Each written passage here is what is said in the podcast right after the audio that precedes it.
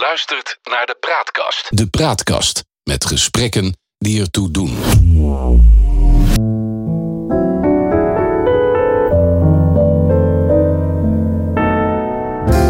Welkom bij de Praatkast.nl. Dit is een aflevering van het Geheugenpaleis. Mijn naam is Jon Knerim en samen met Han van der Horst maken we deze podcast. Eh, De geschiedenis die herhaalt zich nooit, maar rijmen doet hij vaak wel. En in het Geheugenpaleis gebruiken we dat gegeven om dieper in te gaan op de actualiteit. We proberen te ontdekken wat werkelijk belangrijk is. En tussen beide blijkt dat de werkelijkheid vaak genoeg elke fantasie te boven gaat. Han, we moeten het over Polen hebben. Ja, dat wordt inderdaad tijd omdat Polen een grote rol speelt in Ja. eh, het conflict tussen het Westen en Rusland om de Oekraïne. Want zo kunnen we het wel noemen. Ja. Al eh, voeren we dan nog geen hete oorlog. Nee, maar ik, wat ik zo bijzonder vind is dat, dat Polen eh, de afgelopen jaren samen met Hongarije tot de risée van Europa is geworden. Ze zetten daar de bijl aan de wortels van de rechtsstaat. Eh, ze ontslaan te pas en te onpas eh, rechters. Ze willen meer macht aan de president. Ze zijn tegen abortus, ze zijn tegen homo's. Ga zo maar door. Het zijn gewoon hele reactionaire staten. En het was zelfs zo ver gekomen dat de Europese Commissie eh, door de rechter in het gelijk was gesteld als het ging over het korten van de bijdrage aan Polen. Maar dat zijn we allemaal ineens vergeten, geloof ik. Ja, en we zijn ook vergeten eh, hoe ze asielzoekers die naar Wit-Rusland gevlogen waren op uitnodiging van de president daar met nogal veel geweld bij de grenzen tegen hielden en houden, want ze doen het nog steeds. Ja, en de zogenaamde pushbacks waren dat. eh, die eh, die Ja. volgens de rechten van de mensen helemaal niet, niet mogen, volgens mij. Maar Nee, inderdaad. Maar dat eh, is staat in schril contrast tussen de manier waarop eh, ze de miljoenen Oekraïense vluchtelingen nu opvangen en welkom heten in hun land. Ja, er zijn inmiddels, eh, geloof ik, meer dan 2 miljoen eh, Oekraïniërs, of Oekraïners, hoe moet je dat zeggen, in, eh, in Polen aangekomen. Dat zijn hele forse aantallen. Ja. En ik begrijp ook dat heel veel van die mensen gewoon ja, een beetje in die grensstaten willen blijven en niet verder Europa in willen. Dat Nee, komt ons natuurlijk weer goed uit, hè? Dat is inderdaad wel, wel handig. Ehm, maar om even terug te komen op, op Polen, dat is wel een groot land. Dat beseffen Ja. te weinig Nederlanders. Dat heeft eh, een klein eh, 38 miljoen inwoners Ja. en een zeer behoorlijke oppervlakte. En er wonen al 2 miljoen Oekraïense gastarbeiders. hè. Wij kennen allemaal bij ons in onze buurten de Poolse eh, werklieden die hier Ja. in eh, Nederland een beter salaris kunnen verdienen dan thuis. Nog wel. En In Polen is dan ook een enorm gebrek aan eh, personeel. En dat wordt dan weer ingevuld door Oekraïners die in Polen veel meer kunnen verdienen dan Ja. in Oekraïne. Die vluchtelingen hier in Nederland zullen straks opkijken van de salarissen die ze ontvangen als ze eenmaal een baan hebben gekregen. Ja, ja, dat zal best. Maar goed, eh, veel mensen in, eh, in Polen. Ze, eh, er is ook weinig discussie in de maatschappij daar. Dit, dit doen ze gewoon. Maar ik moet zeggen, bij mij knaagt het toch een beetje. Ik vind een beetje sprake van een soort dubbele moraal als we naar Polen, maar ook naar Hongarije kijken. Dat land moet eigenlijk gewoon aangepakt worden. Het is een ondemocratisch land aan het worden. Nou, dat, waren, dat was de Europese Unie ook aan het doen. En als je naar de huidige regering van Polen kijkt, die een grote Ja. meerderheid heeft, heeft in, het, eh, in het parlement, eh, die willen een beetje terug naar het vooroorlogse Polen. En dat was ook een behoorlijk autoritaire staat. Hè? De macht is in handen van een partij die, als je de naam daarvan eh, vertaalt, recht en rechtvaardigheid heet. En dat zijn zeer bigotte nationalisten. Ze Wat zijn Zijn- dat bigotten? Wat bedoel je daarmee met bigotten? Dat woord ken ik niet. Eh, dat is een woord dat betekent dat het een beetje krankzinnig is en een beetje Ja. vreemd. Ehm, het zijn zeer radicale, onaangename, chauvinistische mensen. Ja. Eh, ze zijn aanhangers van een, de, een buitengewoon reactionair katholiek eh, geloof. Ehm, ze haten iedereen die anders is. En je zou kunnen zeggen dat ze willen Polen, ehm, Polen blank en veilig houden. Daar komt het wel op neer. En van allerlei grappen zoals pornografie, eh, eh, seks die er anders uitziet eh, dan het missionarissenstandje tussen gehuwde personen van verschillend geslacht. Dat vinden ze ondermijning Ja. van de maatschappij. Eigenlijk lijkt hun ideologie als twee druppels water, die ideologie van die regeringspartij, Ja. lijkt als twee druppels water op die van Vladimir Poetin. Ja, want als jij, mij, als jij dat zo, zo vertelt, dan denk ik, nou, eh, laat Poetin het lekker op, eh, opvegen. Wat hebben we aan zo'n zo'n ondemocratisch, on, ja, hoe moet ik dat zeggen, gewoon zo- zo'n zo'n onintolerant land eh, binnen de Europese Unie. Dat past er helemaal niet. Nou, er, is ook nog, eh, er zijn ook nog andere Polen die er anders over denken. Nou heb ik wat dat betreft slecht nieuws, want de grote oppositiepartij van eh, Donald Tusk, die ook in Europa destijds een grote carrière heeft gemaakt. Die grote oppositiepartij die kan je denk ik nog het best vergelijken met de rechtervleugel van het Nederlandse CDA. Ja, dus dat En- zijn ook al geen verlichte denkers. Ja. En er zijn wel echt libera- veel liberaal denkende Polen. En, Ja. en ook wel sociaal-democratisch denkende Polen. Maar die hebben eh, nauwelijks iets in de melk Nee. te brokkelen. En ze zijn verdeeld over allerlei splinterpartijtjes. Polen is in de grond een diep conservatief land. En waarom hoort het dan toch bij, eh, bij de Euro- eh, Europese Unie en, en zelfs bij de NAVO, geloof ik, hè? Eh, die regering waar we het nu over hebben, die is na lange strijd pas in 2016 aan de macht gekomen. Of 2015, ik vergis mij. Dus, dus dat is niet zo. Dat terugkeren op de oude schreden, dat is. ja, dat is een lang proces geweest. Ja. En, en er zijn ook wel een aantal redenen eh, voor aan te voeren waarom dat zo is. En, en wat de Polen drijft. Ja, even, even terug naar de situatie van, eh, eh, van nu. Want de Poolse premier, die heeft ook voorgesteld...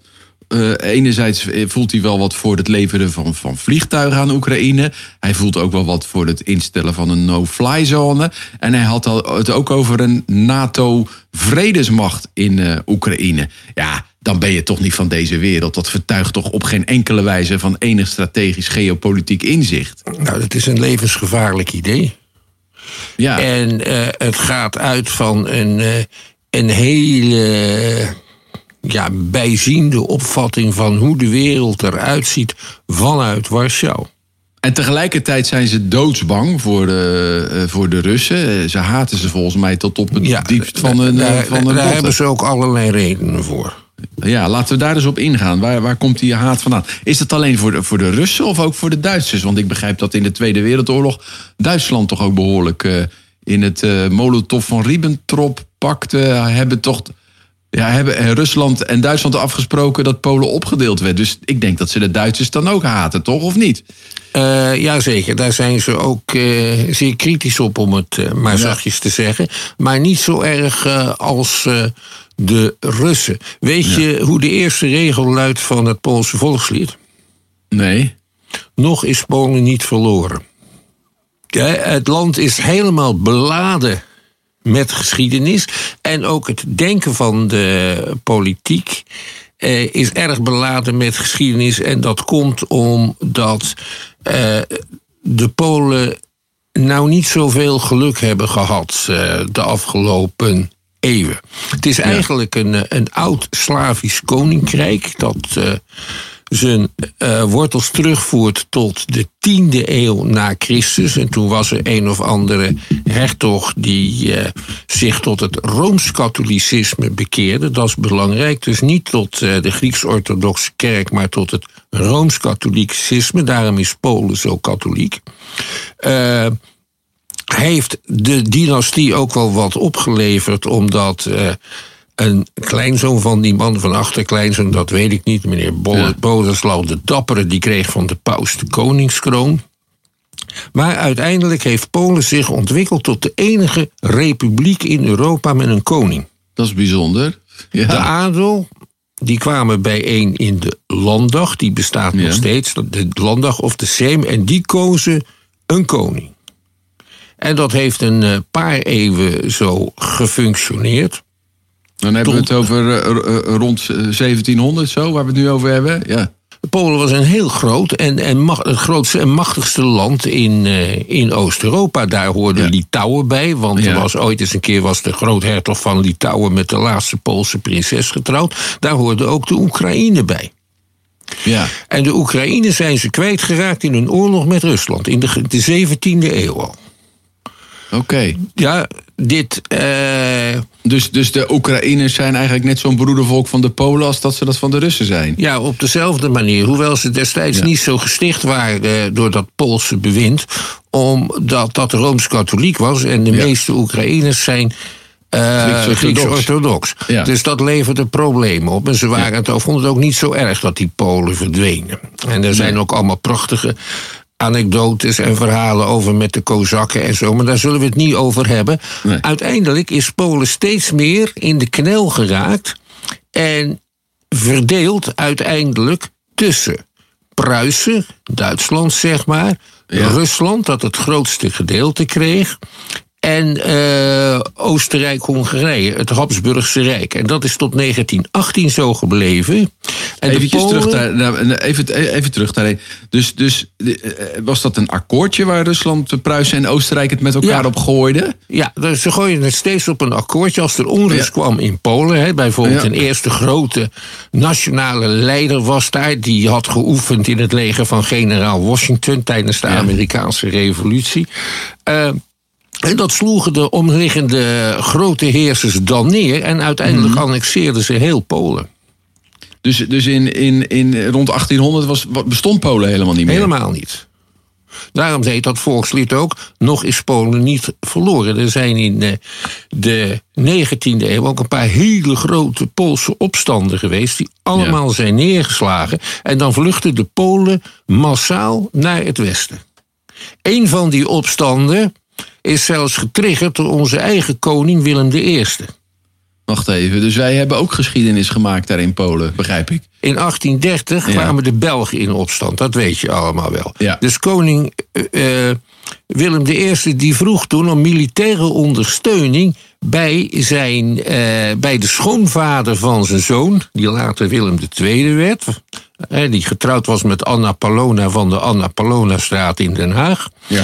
En, en toen stuurde de tsaar, Nicolaas I, die eh, schoonvader van zijn zoon, eh, de dichtstbij, dichtstbijzijnde leger naar België. Althans, dat wilde die van plan, wilde die doen. Dat waren Poolse soldaten en die weigerden op te treden en begonnen in plaats daarvan een opstand. En die is met zeer In harde- Polen zelf? In Polen zelf. is zeer Ja. harde hand neergeslagen. Maar die, Ja. Polen, die opstand was misschien niet gekomen als Willem I niet om hulp had gevraagd. Dat is een Ja. band met Nederland. Ja, dus- Eh, goed. Eh, dus Polen, de Polen zijn altijd heel opstandig geweest. Ja. Niet echt geaccepteerd. Eh, de, de overheersing door vreemde vorsten. Wat hadden ze als bindmiddel? Dat was die katholieke kerk van ze. ja. En in 1918, toen maakten Poolse politici van de chaos aan het eind van de Eerste Wereldoorlog gebruik om een Poolse staat opnieuw op te richten. En daarbij kregen ze meteen steun van de Amerikanen, want de Amerikaanse president Wilson die had het recht op zelfbeschikking van alle volkeren afgekondigd. Daar zou Amerika voor vechten. En zo ontstond er een Poolse staat. ja. En die Poolse staat, die, eh, daar hoorde een behoorlijk stuk van de Oekraïne bij. En een behoorlijk stuk van Wit-Rusland. Maar niet Oost-Pruisen. En ook niet Silesië. ja. Want daar wonen veel Duitsers ook in Silesië. Nou, dat was een Duits, dat, dat Ja. eh, oorspronkelijk Duits gebied. Oost-Pruisen ook. Ja. Eh, dus het was een veelvolkerenstaat. ja. dat nieuwe, dat nieuwe Polen die moesten nog een zware oorlog uitvechten tegen het Rode Leger onder leiding van generaal Budjonni. Ja. En als je daar meer van wil weten, al, dan zou ik de luisteraars willen aanraden. Koop en lees het boek van Isaac Babel, De Rode Ruiterij. Op de eerste bladzijde staat al een zin die je laat zien in wat voor een verhaal je terechtkomt. De zon rolde als een afgehakt hoofd langs de hemel. Zo, dat is heel beeldend, be- beeldend eh, wat er gebeurt. Toen hebben, ze, hebben die Polen zich toch weer een soort verenigd, dat Poolse volk dan zo aan het einde van die met Eerste een heleboel Wereldoorlog. Oekraïners erbij. Er woonden Ja. ook nog een paar miljoen Joden. Ja, Eh, chaotische democratie geworden met hyperinflatie. En toen heeft een van de belangrijkste leiders, eh Jozef Pilsudski, nog steeds de nationale held, de man die die Poolse onafhankelijkheid had afgekondigd, min of meer de macht gegrepen en een dictatuur gevestigd. En die dictatuur heette de genezing. Begrijp je? Dus, eh, nou, en dat, dat is van de dus- regen in de drup, zo klinkt het een beetje. eh. Ja, nou en Ja. Dat, dat soort, soort dingen spelen allemaal een rol. En de huidige regerers van die partij Recht en Rechtvaardigheid, die grijpen heel erg terug op die ideologie van die genezing en Ja. van allerlei rechtse en reactionaire krachten die in die genezingsbeweging actief waren. Die Pilsudski zelf was min of meer een socialist. Ja, ja totdat, het totdat hij de macht had en de, hij ook gewoon gecorrumpeerd werd en, na, en na Ja, zijn dood is de macht in handen gekomen van rechtsgeneraals. Ja. Toen is er in 1939 de tweede Poolse, of de vierde Poolse deling tot stand gekomen, opnieuw. Tussen Nu Duitsland tussen en- Duitsland en de Sovjet-Unie. Ja. Dus nu begrijpen we waarom de Polen heel weinig moeten hebben van de Sovjet-Unie. Ja. En ze hebben bovendien een ervaring met 40 jaar door de Sovjet-Unie afgedwongen communistische heerschappij door een kleine minderheid. Ja, want dat was na de Tweede Wereldoorlog eh, kwam het uiteindelijk eh, in het Oostblok eh, terecht, Terecht. onder de Russische invloedssfeer. Ja. Het had toen weer een hele andere, andere eh, hoe moet ik dat zeggen, grondgebied dan, dan, dan Ja. voor de Eerste Tweede Want- Wereldoorlog. Ja, want Stalin die had dus bij in 1939 een groot stuk van Polen geannexeerd. ja, En dat stuk heeft hij gehouden. ja. En een stuk van Duitsland. En ter compensatie kreeg Polen een stuk van Duitsland, namelijk Ja. Silesië, en het grootste gedeelte van Oost-Pruisen. En daar zijn ook de meeste Duitsers etnisch gezuiverd. Dat zijn echt miljoenen mensen, voor zover ze niet al op de, voor het Rode Leger op de vlucht waren gegaan. Ja. Dus dat Polen ziet er heel anders uit. Zit ook etnisch heel anders in elkaar. Want 95% van de bevolking is Pools en nationale Ja. minderheden hebben ze nog maar nauwelijks. En die Joden zijn ook bijna. De miljoenen Joden in, dat, in het oude Polen, die zijn bijna allemaal slachtoffer geworden van de Holocaust. Ja. De Polen zelf hadden tijdens de Duitse bezetting een enorm grote verzetsbeweging met een binnenlands leger. Eh, Een beetje op de manier zoals in Nederland van wo is die Baanhof? Of eh, Nee, echt, was het toch echt wat heftiger? Echt een heel wat heftiger. Ondergronds leger met partizanen Ja. was echt heel gevaarlijk. was helemaal niet leuk om in, eh, in Polen te zitten als Duitse soldaat. Dan moest je echt heel goed oppassen. Ehm, dus als, je, als Duitser was het helemaal niet fijn om in Polen te zitten. Dat was eh, behoorlijk gevaarlijk. Eh, Polen Ja. waren massaal en effectief in het eh, verzet. Maar voor de vervolgde Joden hebben ze heel weinig gedaan. Ja, wat dat betreft leken ze weer erg op de Nederlanders dan. Ja, Ja. in 1944 waren de Polen zo ver dat ze er echt een openlijk tegen de Duitsers in opstand konden komen. Dat deden ze in Warschau in de hoop Ja. om daar, daardoor een Poolse staat te kunnen stichten voordat het Rode Leger aankwam. Daarop is het, eh, heeft Stalin het Rode Leger de opdracht gegeven te wachten tot de Duitsers die opstand hadden neergeslagen en heel Warschau voor straf hadden verwoest. En pas daarna trokken ze door en toen kwam Ja. daar en brachten daar een communistische regering aan de macht. De Polen zijn altijd de meest opstandige onderdanen gebleven ehm, in het Oostblok. Niet omdat de, hun regeerders zo, eh, zo hervormingsgezind waren, maar vanwege een soort leidelijk verzet. Het is een, een collectivisering van de landbouw, zoals in alle Oostbloklanden gebeurt. Dat is nauwelijks tot stand gekomen. En eh, er was ook wel wat meer vrijheid. En de kerk aanpakken Wat in Ja. andere Oostbloklanden vaak wel lukte. Dat gebeurde daar ook dat niet, hè? gebeurde daar absoluut niet. Dus Nee. die, Polen, die Polen die waren een moeilijk volk. Dat zie je ook aan de vakbond eh, van 1980, Solidariteit. Solidarność, Solidarność met Ja. Lech Walenza, later Ja. president van Polen. Dus een lastig volk. En een volk dat ook nog 40 jaar lang in een soort communistische quarantaine heeft gezeten. Dus allerlei ontwikkelingen die wij hier in het Westen hebben meegemaakt. Met betrekking tot emancipatie en zo. Die maakten die Polen niet door. Althans, daar konden ze alleen maar iets van horen. als ze met hun korte golf radio. eh naar westerse uitzendingen. Ja. Free Europe zaten te luisteren. Ja. Nou, dat moet je allemaal bij elkaar optellen. En dan wordt het huidige Polen duidelijk. Dan wordt het ineens eh, begrijpelijk.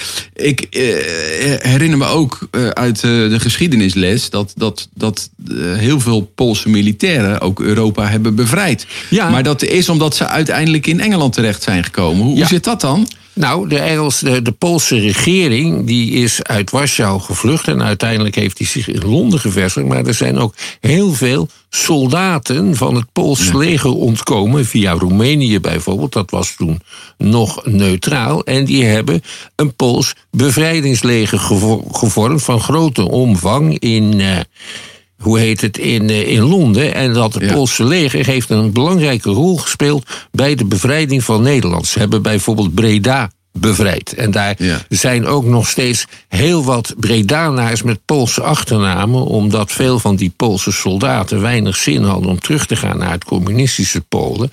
En die zijn in eh, Breda toen met een katholiek meisje getrouwd. En die waren natuurlijk ook welkom als schoonzonen, want het waren de bevrijders. Ja. Nou ja, eh, eh, waar het op neerkomt, het land eerst eh, verdeeld geweest, zal ik maar zeggen. Ja. Daarna in de Eerste en Tweede Wereldoorlog vermorzeld eigenlijk tussen Duitsland Ja, en... heel veel en- slechte en ervaringen dus. En Frankrijk, Ja. tussen Duitsland Ja. vermorzeld. Ja. Tussen Duitsland en, en, en Rusland. Dat, dat, ja, dat zijn wel dingen die dan misschien kunnen verklaren waarom een Pool nu doet zoals hij doet. Ja, eh, dat lijkt ook een beetje op eh, ja, de positie van Israël. Hè. Je moet ze niet de lengte geven. De ervaring leert dat als je dat doet, dan blijft er niks van je over. Ja, ja. Dus strijdvaardig volk, eh, Ja. in opstand komend. Heel erg trots ja. op hun eigenheid. Ja. Ja, en erg bang voor, onder, voor alles wat ze als, als ondermijning kunnen beschouwen. Maar waarom is er dan toch zo die hang om bij de Europese Unie te horen? Eh, katholiek land hoort bij het Westen. Ze hebben ook, eh, we, we hebben het nog helemaal niet gehad ook over de rol van eh, Karel Wojtyla, paus Johannes Paulus II. Ja, dat is de eerste, eerste Poolse paus. Ja. Ergens in de tachtiger jaren is die tot, tot paus benoemd. Die man die, die, die Ja. had zowat de status van een heilige volgens mij daar in Polen. Ja, en die ging daar ook op staatsbezoek in de communistische tijd. En dat kon het communistische bewind niet tegenhouden. Ja, de, omdat eh, daar de katholieke onderstroom eh, zo, eh, zo sterk was, zeg maar. Ja. Ja. Er Ja. is ook er is een, een, een, radio- en een tv-zender, een, een mediacomplex, dat heet Radio Maria. En dat is echt ongelooflijk wat daar allemaal op verkondigd wordt. Ja, wat, wat, wat verkondigen ze dan? Eh, anti-abortus, eh, huwelijk, eh, seks alleen in een huwelijk tussen, tussen man en vrouw en verder niet. En de rest is ondermijning, eh, doodzonde. ehm, Ja, eigenlijk is de hele emancipatie eh, eh, daaraan eh, voorbij gegaan aan het land. Het zou tijd worden dat het een beetje meegaat in de vaart der volkeren, zou Ja, nou, dat zeggen. moet je, nou moet je dat ook weer niet overdrijven. Want Oh. er zit, zit in de steden, nou, zeker in de grote steden, zit best Ja. wel een liberale Ja. intelligentie. die goed aansluiting heeft gevonden bij het Westen. Ja, En maar ik begrijp, dat er steeds ook- meer, ik begrijp dat er steeds meer mensen naar het platteland verhuizen. En dat er eigenlijk een soort ontstedelijking plaatsvindt. Een beetje in weerwil tot allerlei ontwikkelingen van maatschappijen... waar er over het algemeen meer mensen in steden gaan wonen. Ja, maar dat wil nog niet zeggen dat eh, daardoor de mentaliteit verandert. Hè? Nee. Nee. En Maar er goed, zijn natuurlijk ook heel veel Polen, steeds meer Polen, die eh, eh, een tijd lang in het, in het Westen wonen. Maar aan de andere kant kun je bijvoorbeeld zien dat in Rotterdam een hele grote katholieke kerk, die, nu, Ja. die anders al lang gesloten zou zijn, dat is nou de Poolse kerk. Ja. En die zit op mensen- zondag vol. Ja, en dan krijgen ze te horen eh, wat er allemaal wel en niet mag eh, van eh, onze lieve Heer. Of in ieder Ja. geval vanuit wat vanuit Rome gedicteerd wordt. Nou ja, een, een, een land wat dan blijkbaar altijd onder druk heeft gestaan. En, en nu toch met een soort generositeit eh, die mensen uit Oekraïne opneemt. eh. Eh, ja, want let op, die mensen ontsnappen aan de erfvijand. ja, En dat is Rusland. Duitsland is ook een erfvijand, maar op een andere manier. En daar hebben ze de afgelopen 60 jaar, eh 70 jaar geen last van gehad. Integendeel, eh, ik herinner mij bijvoorbeeld nog hoe Willy Brandt, de Duitse bondskanselier, op Kanselier, bezoek ja. in, eh, In de 70 in jaren, Polen, ja, in de 70 jaar, knielde bij een of ander oorlogsmonument in Polen. ja. Ja, dat is een heel, eh, heel iconisch beeld eh, eh, geworden. Waarbij hij eh, op die manier een soort boete deed eh, voor eh, de misdaden Ja. van eh, de Duitsers. Want er waren Ja. veel concentratiekampen in Polen volgens Ja. mij. Hè? Kijk, Du- Duitsland had eh, van Polen een soort kolonie gemaakt. Ze hadden het voor gedeeltelijk geannexeerd. Al die oude gebieden die ze verloren waren, zoals Silesië. Nee, Silesië waren ze nog niet verloren, maar andere gebieden wel. Die hadden ze weer teruggenomen. En dan bleef er nog een rompstaat over. En dat werd het generaal gouvernement. eh, eh, Polen, onderdeel van het Rijk, onder leiding van, eh, van een echte misdadiger en een psychopaat Hans Frank. En eh, daarin kregen de, de, de Polen aanzienlijk minder eten toegewezen eh, dan de Duitsers. En het was ook niet de bedoeling dat de Polen verder nog veel naar school zouden gaan. De hele intelligentsia is uitgemoord voor zover dat lukte. En een beetje lezen en schrijven was genoeg, want de Polen zouden worden een helotenvolk. Dat hadden de nazi's een helotenvolk. Dat hadden de nazi's eh, ontleend aan, de, aan Sparta uit het oude Griekenland. En de Spartanen, elke Spartaan, die kreeg een boerderij met slaven toegewezen. En die slaven heten heloten. En, nou, en de Polen zouden, je had helotenvolkeren in het oosten, Slavische volkeren. En de Polen stonden heel laag in aanzien, laten we het zo zeggen. Ja. En de Polen Ja. sloegen heel hard terug. Dat moeten we Ja. erbij vertellen. Heel dapper, eh, heel onverschrokken. Ja. Nou ja, wat, wat dat betreft wel begrijpelijk dat ze uiteindelijk dan toch aansluiting eh, zochten bij, eh, bij een, een, een wat groter geheel, wat meer veiligheid Ja. kon bieden. De Europese Unie, maar ook Ja. NAVO, NAVO-lid geworden in 1999. Ja. Eh, en op die manier ja, hebben ze eigenlijk ervoor gezorgd dat hun, de integriteit van hun land wat beter gewaarborgd blijft. Ja, de Maar goed, Polen, de Polen die beschouwen zich als een. ehm, de Polen beschouwen zich als een westers land. Onderdeel van de westerse beschaving. Dat hebben ze met de Hongaren gemeen. En de Roemenen en al die volkeren en de Oekraïners en de Russen. Dat is de Russisch-orthodoxe wereld. Of de Grieks-orthodoxe wereld. Geldt ook voor een groot deel van de Balkan. Geen onderdeel van het Westen. Zij wel. Ja. En dan ook nog beschouwen ze zich natuurlijk als het bolwerk van het Westen tegen de Oosterse barbarij. Ja. Nou, En dus ze toch- denken ook, wij hebben daar verstand van en wij laten ons niet in slaap zussen. Ja, wat dat betreft eh, een hele sterke focus eh, op het eh, Westen. Maar toch met allerlei antidemocratische tendensen. Ja. Ja, we kijken nu even met z'n allen collectief de andere kant op. Wanneer gaan we weer Polen, maar ook Hongarije eh, aanpakken, denk je, eh, bij, eh, bij hun anti- antidemocratische tendensen? Ik denk dat dat eh, gebeurt als de Oekraïne-crisis op de een of andere manier voorbij gaat en er een Ja. min of meer normale situatie ontstaat. Dan krijgen we daar weer tijd voor, maar dat kan nog eh, heel lang duren. Ja, en ondertussen bre- breken ze daar de rechtsstaat verder af in Polen. Dat is Eh, een beetje zorgelijk. En, ja, in Hongarije zijn over een maand of wat verkiezingen. Ja, die gaat Orbán natuurlijk gewoon winnen. Maar dat is, dat is voor een, eh, voor een andere eh, podcast. eh. Ja. Voor nu moeten we het hierbij eh, bij laten. Een doorkijkje op Polen. Om Polen wat beter te begrijpen in deze geopolitieke crisis met de oorlog in, in Oekraïne. Tot zover deze aflevering van het Geheugenpleis. We maken dit in samenwerking met de Praatkast. Uitzendingen zijn te vinden op praatkast.nl. Je kunt je abonneren op onze podcast in je favoriete podcast-app. Dan krijg je automatisch een bericht wanneer een nieuwe aflevering online komt. En als je ons een mail wil sturen, stuur dan een bericht aan info.praatkast.nl. En luister ook eens naar een andere uh, podcast van de Praatkast. Bijvoorbeeld Nu is Later. Ben je geworden wat je wilde worden? Victor Chevrier die interviewt helden in hun vakgebied. Nu te beluisteren in Nu is Later. Voor nu bedankt voor het luisteren en tot de volgende keer. Wees gelukkig, blijf gezond.